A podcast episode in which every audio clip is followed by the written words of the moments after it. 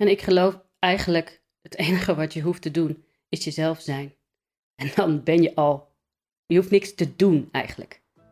En dat is, vind ik een hele ingewikkeld. Want ik heb altijd het idee dat ik iets moet doen. Dat ik hard mijn best moet doen. Of dat ik hard moet werken.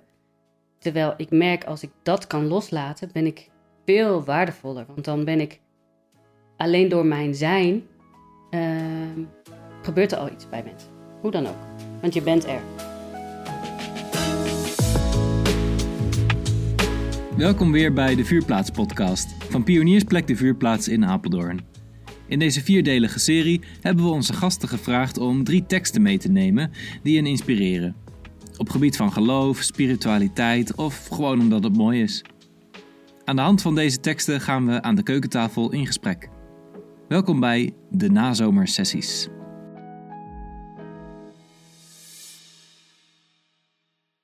Welkom bij een nieuwe serie van de Vuurplaats podcast. Het is een mooie zomeravond, tijd voor een goed gesprek. Mijn naam is Willem van Sermond, ik ben 31 jaar en ik woon in Amersfoort. Ik ben sinds een half jaar verbonden aan de Vuurplaats. Jullie zouden mij kunnen kennen van onze vorige reeks die we over vasten hebben gemaakt. Eh, als je deze nog niet hebt geluisterd, geluisterd, de link staat in de bio. Dit keer ben ik niet alleen als host, ik heb een mede-host. En dat is Leonie. Leonie, welkom. Hoi, ik ben Leonie Muiderman en ik ben 37 jaar. Ik ben sinds een tijdje ook verbonden aan de vuurplaats. En dit is de eerste keer dat ik ook deelneem. Superleuk. Kijk je ernaar uit om het eh, in gesprek te gaan vandaag? Zeker. Vooral omdat we dat met Wilma gaan doen. Yay! Yes, want Wilma is onze, onze eerste gast. We hebben elke week eh, iemand te gast. En aan de hand van teksten eh, gaan we met onze gast in gesprek. En dat is dus vandaag Wilma. Wilma, welkom. Ja, dankjewel. Leuk om hier te zijn. Wij hebben jou eh, gevraagd om een tekst mee te nemen ehm, die iets over jou vertelt. En jij hebt de tekst Strength, Courage and Wisdom meegenomen. Eh, waar komt deze tekst vandaan? Weet je dat? Het is een songtekst van India eh Airy, als ik het goed uitspreek. Ehm, ja, haar teksten spreken mij heel erg aan. En deze tekst ja, sluit eigenlijk precies aan bij als je iets over mij wil weten, dan is het dit. Nou, laten we daar dan eh, naar luisteren. Strength, courage, and wisdom.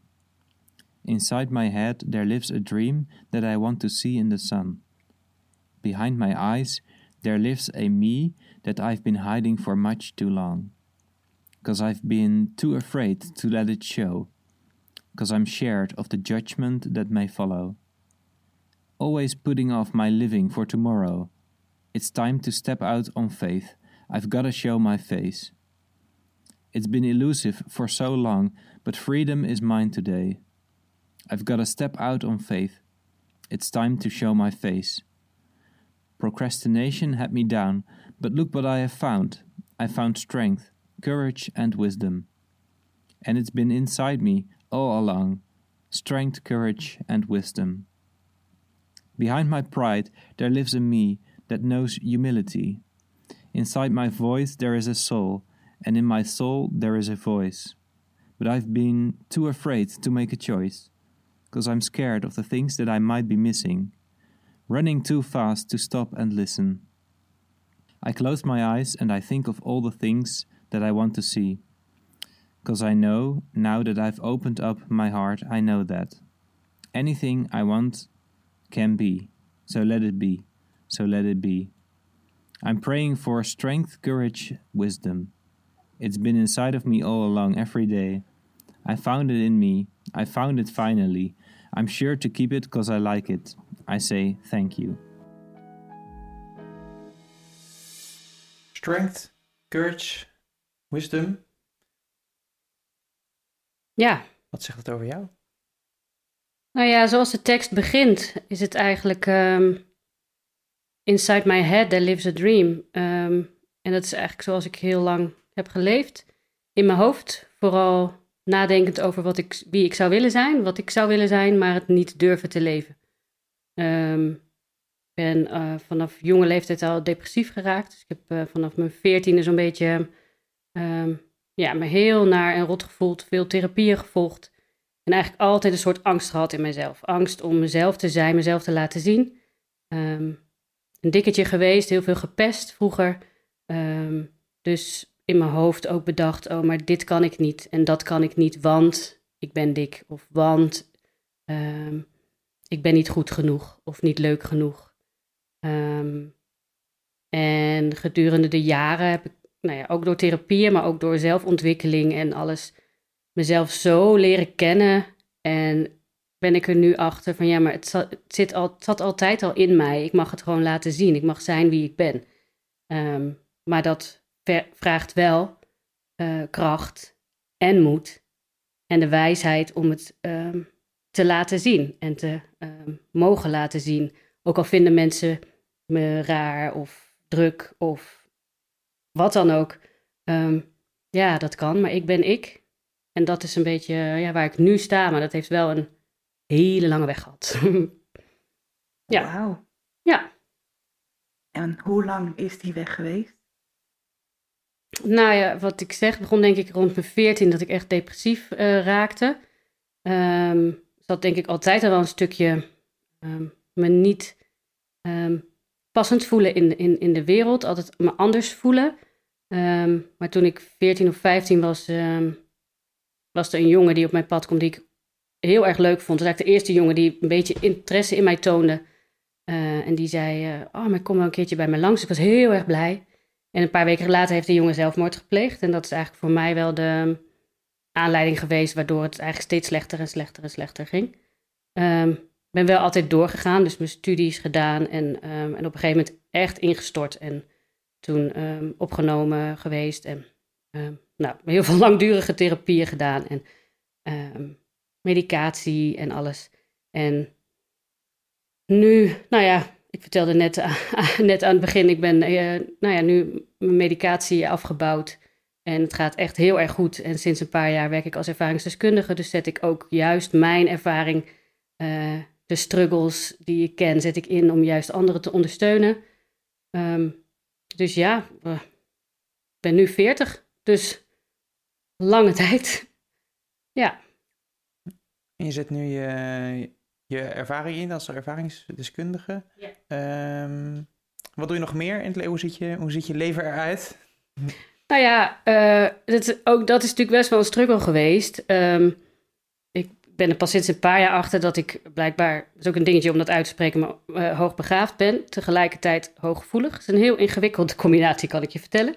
Aan de ene kant wil je heel veel, kun je heel veel. En tegelijkertijd vind je alles spannend en raakt alles je. Dus um, raak je daarvan uit balans. Um, dus de zoektocht naar een baan is voor mij heel ingewikkeld geweest. Um, want uh, ik heb wel uitdaging nodig, uh, prikkels nodig, uh, afwisseling nodig.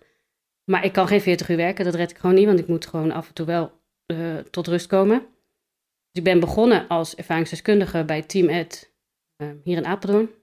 Wij begeleiden jongeren met allerlei problematiek vanuit verslaving of uh, jongeren die binnen jeugdzorg wonen, jongeren die, uh, nou ja, die 18 min 18 plus, waar ik weet niet of jullie er een beetje iets van weten, maar dat is een dingetje dat als je binnen jeugdzorg bijvoorbeeld woont en je wordt 18, sta je eigenlijk op straat.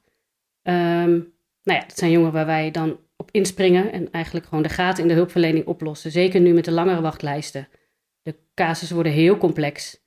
Um, en vanaf januari ben ik dan nu betaald uh, coördinator van dit team geworden. En dat vind ik heel gaaf, dat, ik, dat zij zien wat ik kan. En dat ik, maar dat ik ook mijn kwetsbaarheid mag hebben. Dus dat ik het ook spannend mag vinden en dingen lastig kan vinden. Dat ik kan zeggen, ik zit heel erg in mijn hoofd en ik, uh, het is me te veel of ik red het even niet. En dat dat ook mag. En dat uh, is ook wel waar ik heel erg voor strijd. Ook voor jongeren met een beperking um, in allerlei vormen. Van maatschappij zien nou wat ze kunnen in plaats van wat ze niet kunnen. En in plaats van roepen, nee, maar daar hebben we geen functie voor. Laten we functies creëren voor deze uh, jongeren. Want, uh, nou ja, ik kan uit eigen ervaring spreken. Als je gewaardeerd wordt en gezien wordt, dan kun je groeien. En uh, ja, dat wens ik alle, iedereen toe, sowieso. Maar vooral die jongeren met een enorme rugzak.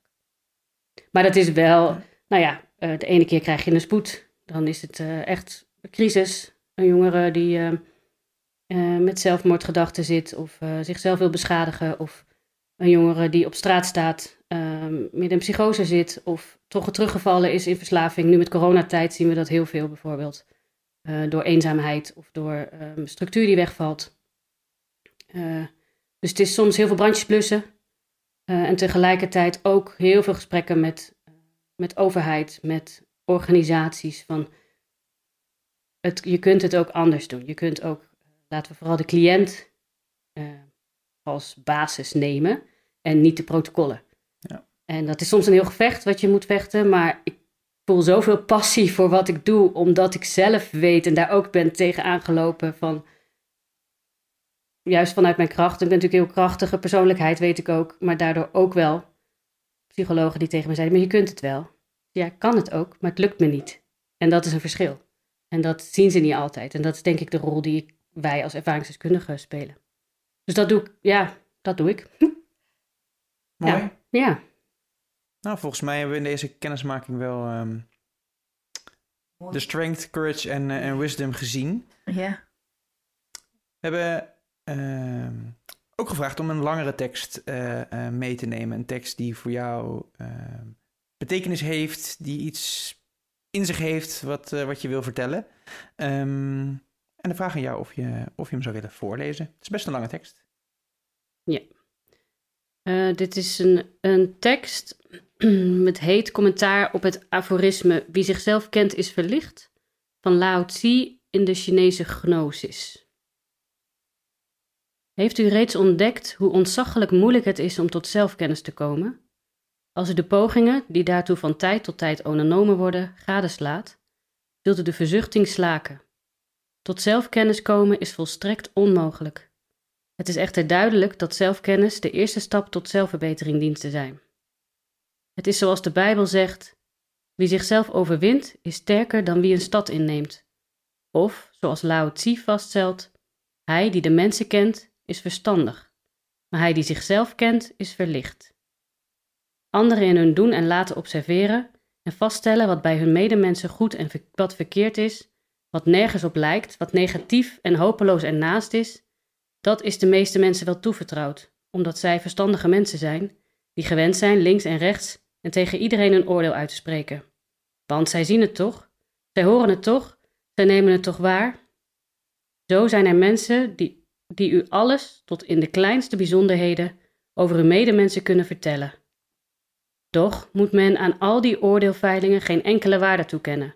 Immers, die zo verstandige observeerders kunnen die innerlijke drijfveren van bepaalde handelingen of gesproken woorden niet waarnemen en kunnen hoogstens gissingen uitspreken.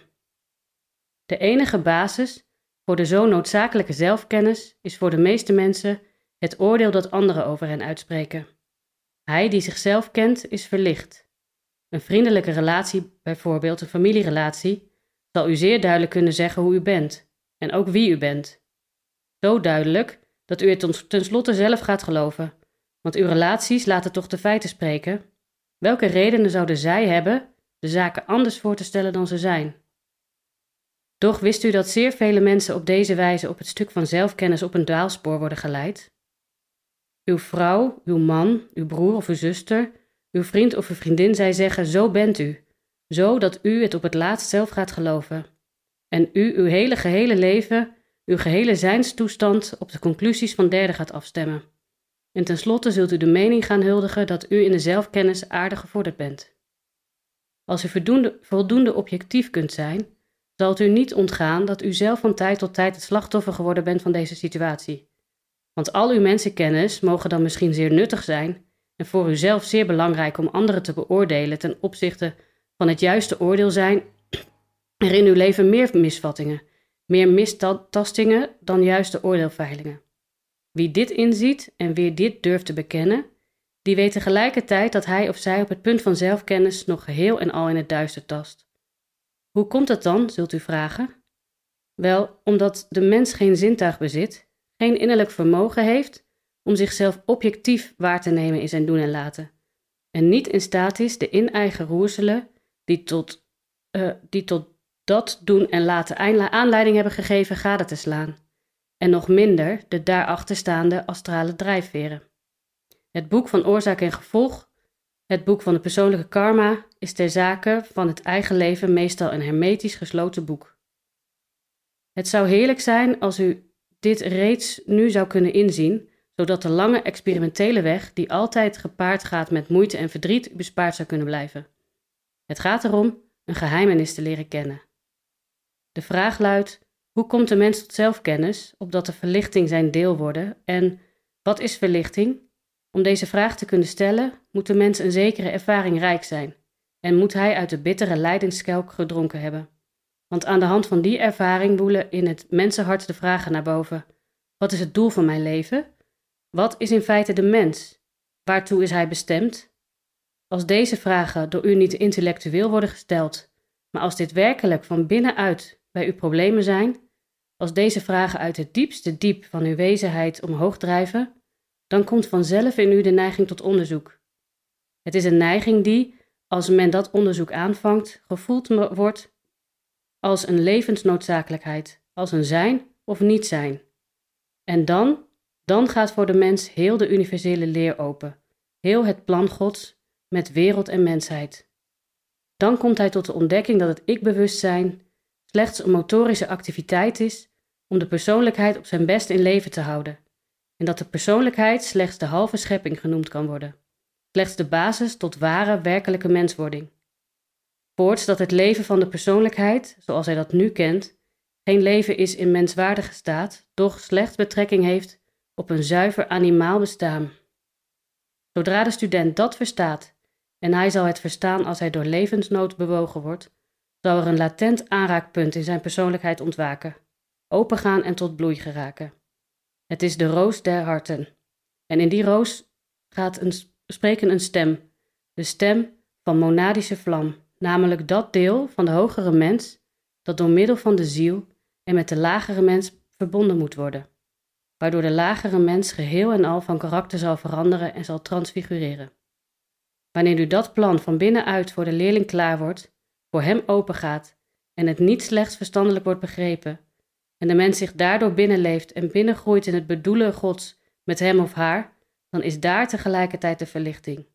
Want dan is daar de zelfkennis, het God kennen. Dan is daar het weten. Het koninkrijk Gods is binnenin u. Dat nu is verlicht worden. En in en door die verlichting kan het pad van de overwinning, de zelfoverwinning, betreden worden. Dat is nogal wat. Ja, dat is uh, beter gekost op deze zomeravond. Be besef ik me, op het moment dat ik het lees, denk ik, oh ja, dit is wel heel... Uh, met, wel, met, welke reden heb je deze tekst uitgekozen? Ja, dat is een, uh, ja, grappige. Nou, dit is een tekst die staat op spiritueleteksten.nl en dat gaat, is een website die gaat over gnosis. Um, ik, ik ben als kind natuurlijk opgegroeid met drie ranken, dus de, het gewone PKN-geloof wat mij heel veel heeft gebracht. Uh, maar via verschillende wegen ben ik eigenlijk um, eerst helemaal afstand van de kerk en van de, dat is allemaal niks via spiritualiteit. En via die wegen um, ben ik de gnosis, en dat um, gnosis gaat, staat voor kennis. En dat de Kataren van vroeger. En het is eigenlijk het, zoals ik het in ieder geval omschrijf, het spirituele christendom. Dus het gaat over, uh, in mijn beleving, hoe Jezus de woorden bedoeld heeft en hoe het dus de, de God zit, zit in jou. Dus we hoeven het niet meer buiten ons te zoeken. En dat slaat sluit een beetje aan bij mijn eerste tekst. Van het zit allemaal al in jezelf. En um, deze tekst gaat heel erg over die zoektocht naar zelfkennis. Um, nou ja, dat is iets wat mij continu drijft. Dat als je mij vraagt wat is je grootste hobby, is het dat eigenlijk. Ik ben continu bezig met, uh, met zelfkennis, met uh, cursussen doen, um, filmpjes kijken, eh, boeken lezen die daarover gaan. Hoe kan ik mijzelf ontplooien en hoe kan ik mijn bewustzijn vergroten? Um, zorgen dat ik word wie ik ben, wie ik van binnen ben. En op deze website vind ik daar heel veel over. En dit is dus een van de.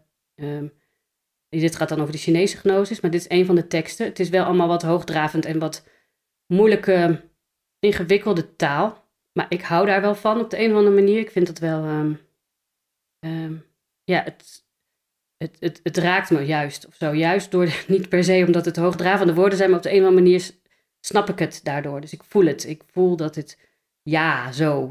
en dat, ehm, ja, want in wezen is het natuurlijk even kort samengevat, gaat deze tekst natuurlijk vooral over, ehm, we leren allemaal een soort van, we ontlenen allemaal een soort identiteit aan hoe we moeten zijn en hoe anderen vinden dat we moeten zijn.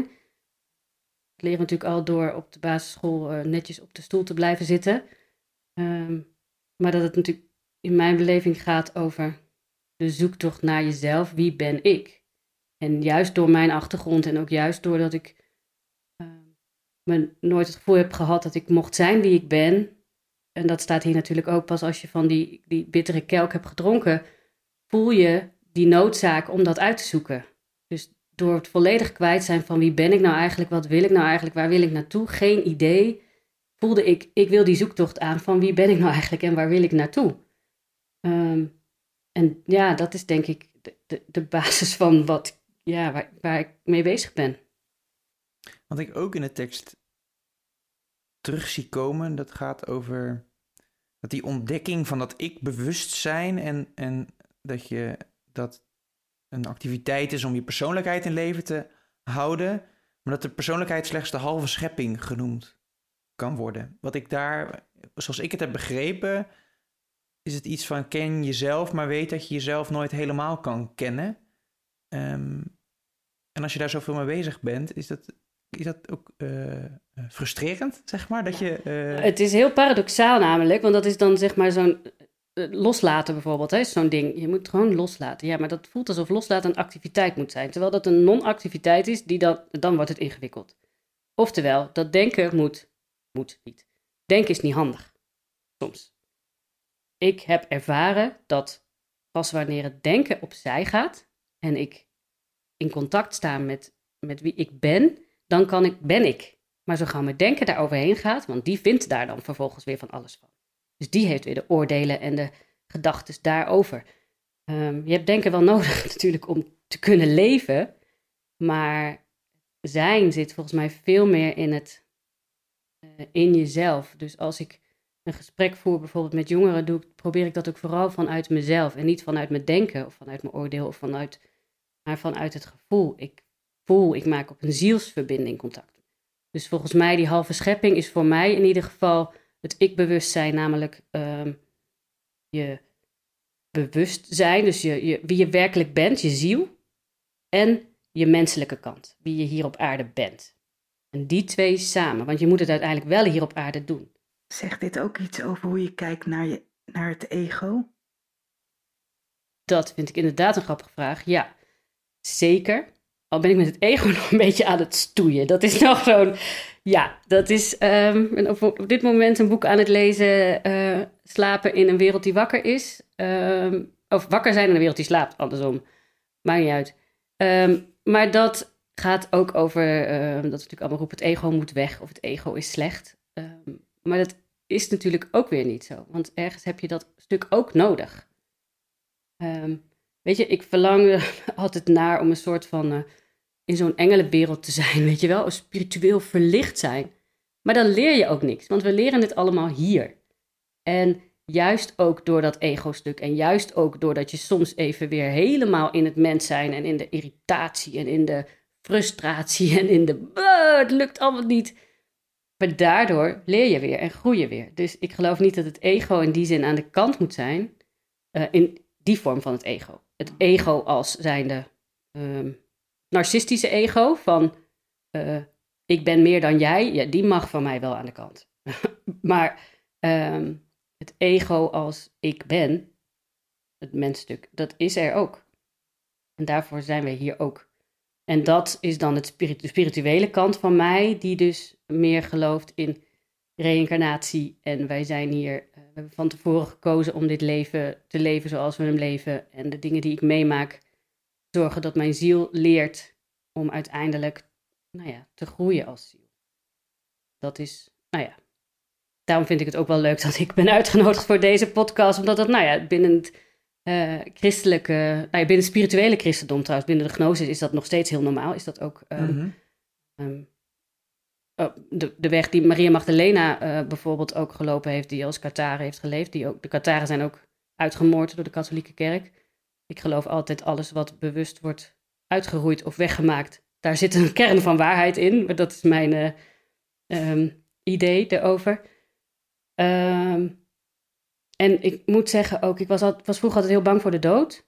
En sinds ik geloof in reïncarnatie, geloof in uh, dat je lessen te leren hebt hier op aarde, heb ik zoveel meer rust gekregen. En heeft het leven zoveel meer zin gekregen.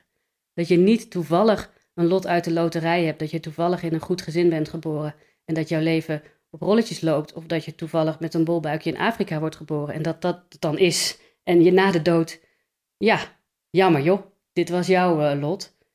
Daar, daar geloof ik niet zo in. Ik geloof dat we allemaal uh, in vorige levens dader zijn geweest, slachtoffer zijn geweest, uh, rijk zijn geweest, arm zijn geweest en alles, alles daartussen om te leren. Ja.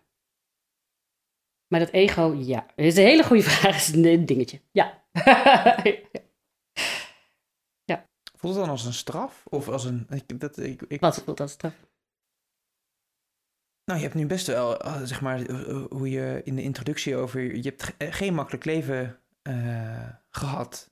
Nee. En is dat dan voorbestemd? Is dat dan, zeg maar, ik, de mooie kant is dat, het, dat je ervan kan leren en uh, dat je jezelf kan leren kennen en dat ja. daar, de, daar zit heel veel waarde in.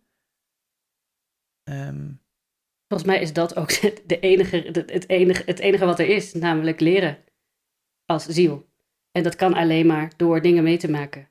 En ik geloof dan ook dat, je, dat ik blijkbaar krachtig genoeg was om in dit leven dit aan te kunnen. Um, om dit te kunnen leren. En je vertelde ook over, zeg maar, die jongen die je leerde kennen uh, als 14-jarige. Ja. Um, hoe kijk je er dan naar dat zo iemand het leven niet meer ziet zitten en eruit stapt? Ja. Um, nou ja, vanuit dit oogpunt zou je dat natuurlijk kunnen zien als um, hij heeft dat stuk gewoon niet aangekund of ervoor gekozen om dit nu niet aan te gaan. En in mijn beleving, ja, hij heeft toch kansen genoeg. Maar hij zal er toch doorheen moeten. En misschien dan in een zijvorm, in een wat voor vorm dan ook. Maar eh, lessen heb je te leren in wat voor vorm dan ook. En um, die, die, die, moet je door. Maar um, zeker niet zie ik het als een straf. En zo voelt het soms wel. En vind, vind ik het soms ook heel moeilijk hoor. Zeker ook, ik hoor natuurlijk ook de meest walgelijke verhalen in mijn werk. Um, van jongen die kin, kinderen, nou ja, die we allemaal kennen, verhalen. Um, dat je denkt, oh, dit, dat iemand dit moet meemaken.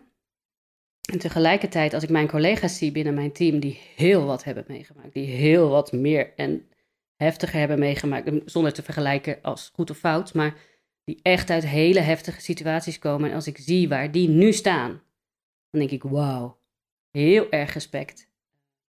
En daar hebben we ook allemaal weer uh, invloed op elkaar.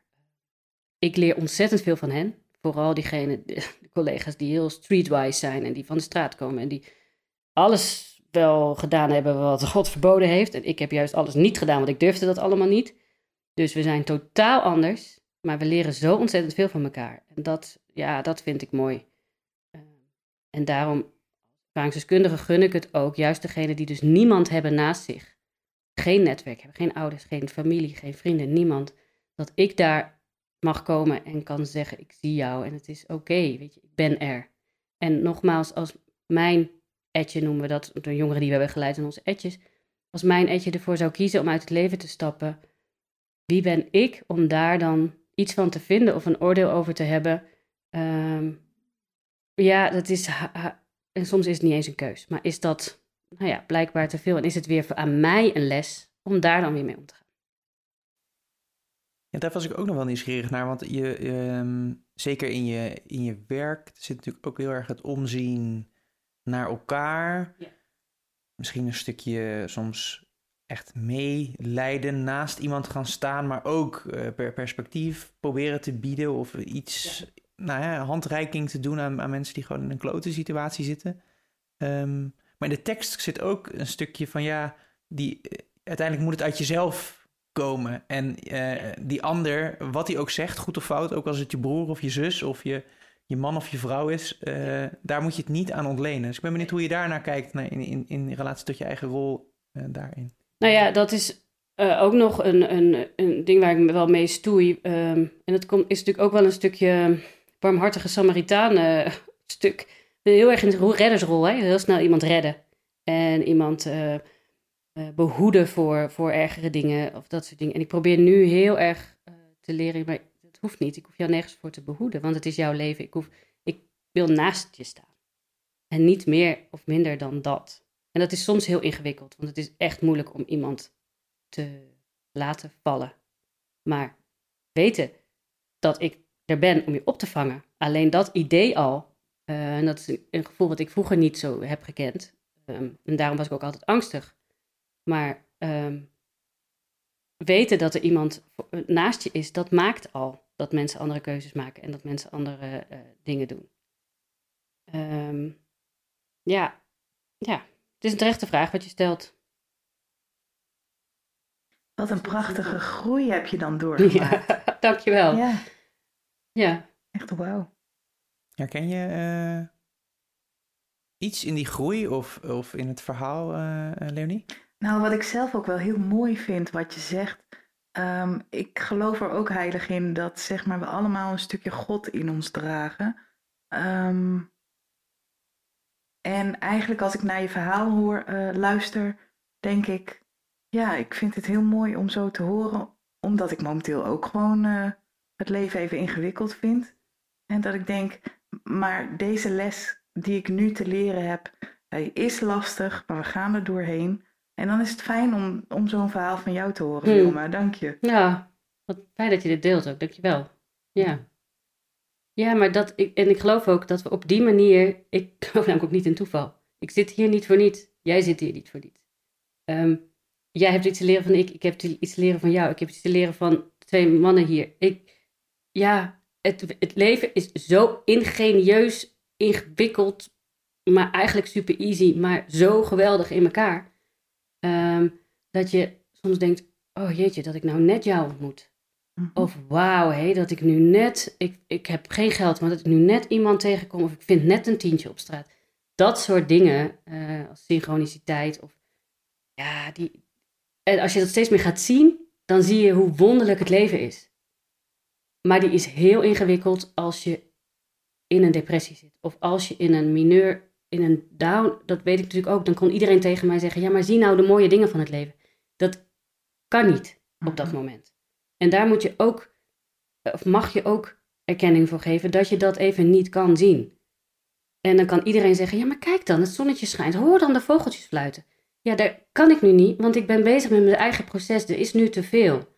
En dan is het, vind ik tenminste, het veel mooier om naast iemand te zijn en die zegt, jeetje, wat is het eigenlijk kut hè, dat iedereen nu geniet van de zomer. En dat jij nu gewoon heel verdrietig bent. En volgens mij gaat het daarom. Erkenning voor wat er is, niet voor wat het zou moeten zijn. En ook mooi wat je zegt, dat je naast iemand gaat staan en niet in die reddersrol wil blijven. Ja, maar dat is wel volgens mij ook nog een beetje zo'n dogmaatje of zo'n dingetje van, eh, oh Ja, maar- jee, en dat wil je heel graag, maar Maar alleen al het bewustzijn dat je daarmee bezig bent, dat is al een hele grote stap. ja, want te- door te redden ontneem je mensen hun lessen. Want dan vang ik, in- want daarmee zeg ik eigenlijk, denk ik dat jij het niet aan kan. Dus ik vang, ik doe het wel. Dat is natuurlijk helemaal niet fair. Ik kan beter zeggen, ik denk dat jij krachtig genoeg bent dat je het aan kan. Want En jij hebt God in jezelf, dus jij kunt dat aan. Maar ja, dat is mijn, zo geloof ik het in ieder geval. Maar dat, ja. Ik heb, ik heb op dit moment echt een heel fijn leven. En het gaat, ik bedoel, eh, in de algemene zin gewoon heel erg goed met mij. Ik ga volgend jaar trouwen. Ik heb een heel fijn huis. Ik heb helemaal mijn werk en zo. Maar naar jouw verhaal luisterend en ook naar de tekst van, hè, je hebt die, die, die ingewikkeldheden in je leven nodig, denk ik. Ja, wat, wat, eh, Ja. kan, ik, kan, ik, kan ik dat niet aan? Eh, is daarom mijn leven zo... eh, eh, Wat denk je zelf? Wat zegt jouw gevoel? Nou, ik weet oprecht niet. Ik, ik, eh, ik eh, bedoel, iedereen heeft ingewikkelde dingen in zijn leven. Maar als ik mezelf, eh, als ik mezelf vergelijk met, met veel andere mensen. heb ik gewoon een heel relaxed, fijn leven. En is mijn wegje altijd behoorlijk ge- geplaveid geweest. Voel je, het, voel je dat bijna schuldig? Of het klinkt bijna als, als word je, of wat gebeurt er? gebeurt iets met jou. Nou, ik voel me je ten het- opzichte van, van jullie, zoals dat die dat Ja. aangeven, dat nou, schuldig is niet, maar wel bevo- een bevoorrecht mens dat ik dat, Ja. dat ik dat heb. En dat bedoel, ik hoef me niet schuldig te voelen ten opzichte van jullie, want dat, eh, ja, dat is nou eenmaal zoals het Mhm. is. Maar wel eh, dat, je, dat je daarin denkt van ja, ik heb wel die, eh, ja, wel een bewustzijn. Ja, toch een beetje schuldig, ja. nee, maar ik kan me dat... Ja. Nou, en dat is heel grappig. Kijk, nou kan ik dat op dit moment niet zo voelen, maar eh, Wilma, dat is een vraag aan jou eigenlijk. Voel jij je ook niet af en toe gewoon bevoorrecht? Want jij mag dit meemaken. Ik heb die momenten namelijk ook in mijn leven gehad, dat ik denk, oh wat een ontzettende K-periode. Mhm. Maar eh, je leert er echt van. En dan denk ik, ja, weet je, soms denk ik dan ook van, hm, had ik maar gewoon een heel simpel leven. Ja, Maar dan denk ik, dat ja, denk dat ik ik regelmatig. Dus dat is, ja, Nee. dat heeft geen zin. Nee, Hoe kijk jij daarnaar? ja, eh, beide denk ik. Eh, ik. Ik denk, ik geloof ook, eh, dat ben ik nu heel erg aan het leren, ik, dat er geen, niet iets is als goed of fout. Dus ook een projectie en dus ook een labeling, hè. Dus, oh jee, doe ik het dan niet goed of doe jij het dan fout? Of, maar dat, dat is er niet, want ook jij hebt je rol te spelen in dit leven. Dus jouw aanwezigheid, alleen al bij deze podcast, heeft een reden. Dus ehm, fijn voor jou dat jij zo'n fijn leven hebt. En natuurlijk kan ik daar soms denken, oh, had ik dat maar. En vind ik het soms ook nog steeds lastig dat ehm, anderen wel een relatie hebben en wel een autootje kunnen kopen. En wel, ja, daar baal ik soms van. Dus aan de ene kant voel ik me soms bevoorrecht, ja. En aan de andere kant voel ik me soms ook nog wel tekort gedaan of zo, tussen aanhalingstekens. Van ja, potverdorie, waarom verdien ik dat niet of zo? Ehm, dus ik denk dat het is allemaal oké, want blijkt in mijn beleving dus, als je van tevoren kiest voor dit lezen, heb jij voor dat geleven gekozen en heb ik hiervoor gekozen. En heeft dat allebei zijn reden gehad. Welke dat dan ook is, want die weten we helaas niet meer. Ehm, maar heb jij ook, weet je, jij bent ook belangrijk voor de mensen in jouw omgeving. En soms heb je ook iemand naast je nodig die heel stabiel is en die eh, dingen wel voor elkaar heeft. En weet je, dat kan ook een hele mooie aanwezigheid in je omgeving zijn. Want alleen maar omringd zijn met mensen die in de ellende zitten, is ook niet altijd heel handig. Ehm, dus nee, ik denk dat het heel mooi is als je maar bewust blijft dat niet iedereen het leven zo makkelijk is. Nee, dat is volgens mij ook in, in geloof zitten natuurlijk heel erg die twee kanten. Aan de ene kant de God in jezelf, dat je jezelf mag leren kennen, dat je op jezelf mag vertrouwen en dat je, hè, dat, dat, dat je er mag zijn, eh, hoe dan ook, onvoorwaardelijk. Ehm, maar ook het appel om, om, om, eh, om iets voor een ander te doen en, en naar elkaar om te zien. Dus ja, dat, in ieder geval, dat is in mijn geloof wel, zitten die Ja. twee kanten wel heel erg in. En ik geloof eigenlijk, het enige wat je hoeft te doen, is jezelf zijn. En dan ben je al, je hoeft niks te doen eigenlijk. En dat is, vind ik een hele ingewikkeld, want ik heb altijd het idee dat ik iets moet doen, dat ik hard mijn best moet doen of dat ik hard moet werken. Terwijl ik merk als ik dat kan loslaten, ben ik veel waardevoller. Want dan ben ik alleen door mijn zijn, ehm, gebeurt er al iets bij mensen. Hoe dan ook. Want je bent er. En of dat nou gewoon mijn neefje, mijn nichtje, mijn broer, mijn ouders, weet ik veel. Maar er ontstaat dan iets. In plaats van in het doen, ga je in, ehm, in de modus van, bij mij tenminste, als ik ga doen, dan ben ik dingen aan het wegmaken. Dan, ben, dan wil ik niet voelen, dan wil ik niet eh, verdrietig zijn, dan wil ik niet, eh, of ik ga eten. Maar dat is een ander ding. Ehm, dat zijn voor mij tekenen dat ik gewoon niet wil voelen wat er is. En dat is volgens mij de grootste uitdaging. Ja, voelen wat er is. En als je je baan kwijtraakt, ja, natuurlijk mag je daar verdrietig over zijn of wat ook. Ehm, maar hoe ga je daar dan vervolgens weer mee om? En heb je mensen om je heen die je dan steunen? Ehm, en als je die niet hebt, dan vind ik dat heel verdrietig. En hoop ik dat er iemand wel op je pad komt die, je dan, die er dan voor je is. Want het leven is gewoon soms heel naar. We maken dingen mee. En ook jij gaat dingen meemaken die verdrietig zijn en lastig is. En ehm, alleen, ja, ben ik misschien wat sneller uit balans dan jij. Ehm, waar ik af en toe ook wel naar verlang. Gewoon even wat meer in balans zijn. Maar ja, dat is niet zo. Ehm, en dat maakt ook weer wie ik ben. Ehm, ja, wil ik niet altijd. Want dan komen die oude stemmetjes weer, die oordelen. Ehm, ja, leven is gewoon een rollercoaster van, eh, van, van alles. En ja, het kan, het is, ik vind het nu ook een zegen van ja, hoe mijn leven is gegaan en waar ik nu sta. En dat ik heb meegemaakt, maakt wie ik nu ben. En dat ik heb meegemaakt wat ik heb meegemaakt, kan ik nu het werk doen wat ik nu doe. Zit al een tijdje in mijn hoofd. Ja. Eh, er is ook een liedje van India. Dat nummer I am Iedereen is ook. I am light, is dat die? Oh, die ja. Ja. klopt. Ja, die wilde ik eigenlijk als eindliedje doen, maar ik mocht geen liedje doen vanwege de, eh, wat was het? Vanwege de rechten Rechten, en zo. ja. Eh, maar dat is zo'n mooi nummer. Want ik ben niet, ben niet wat er met mij is gebeurd. Ik ben, en dat is natuurlijk met jongeren ook heel veel, ik ben niet mijn dossier. Ik ben niet, ehm, bij mij, ik ben niet alleen maar dat dikketje. Of alleen maar die drukke. Of diegene die ingewikkelde teksten neerzet. Nee, ik ben het hele pakketje en meer. Want ik ben licht. En dat is ook het enige wat we hoeven te zijn, volgens mij, licht voor elkaar. Lichtje. En dat is natuurlijk ja, ook vanuit christelijke geloof net zo. Wees een licht voor elkaar. En vanuit TC ook, geef het door. Dank. Fijn dat je ehm, een stukje zelfkennis eh, over jezelf met ons hebt, hebt gedeeld. Dat is een stukje Ja. met je op de rollercoaster van je leven mee, Ja. mogen, mee mogen maken. Het voelt echt heel eh, zo, zo spiritueel, eh, dat- alsof ik nu een les aan het leren. Maar dat Nou, is ik niet wat ik bedoelde of zo. Het is gewoon, ja, dit is hoe ik het nu voel. Ja. Nou ja, het was heel grappig. Op, op de weg hier naartoe waren Willem en ik al met elkaar in gesprek. En dat we inderdaad al zeiden, best wel zware teksten. Maar nu, je dit zo nu we dit zo bespreken, denk ik echt, wauw, wat, wat mooi hoe je dan ook daarover uitlegt. En eh dank je wel.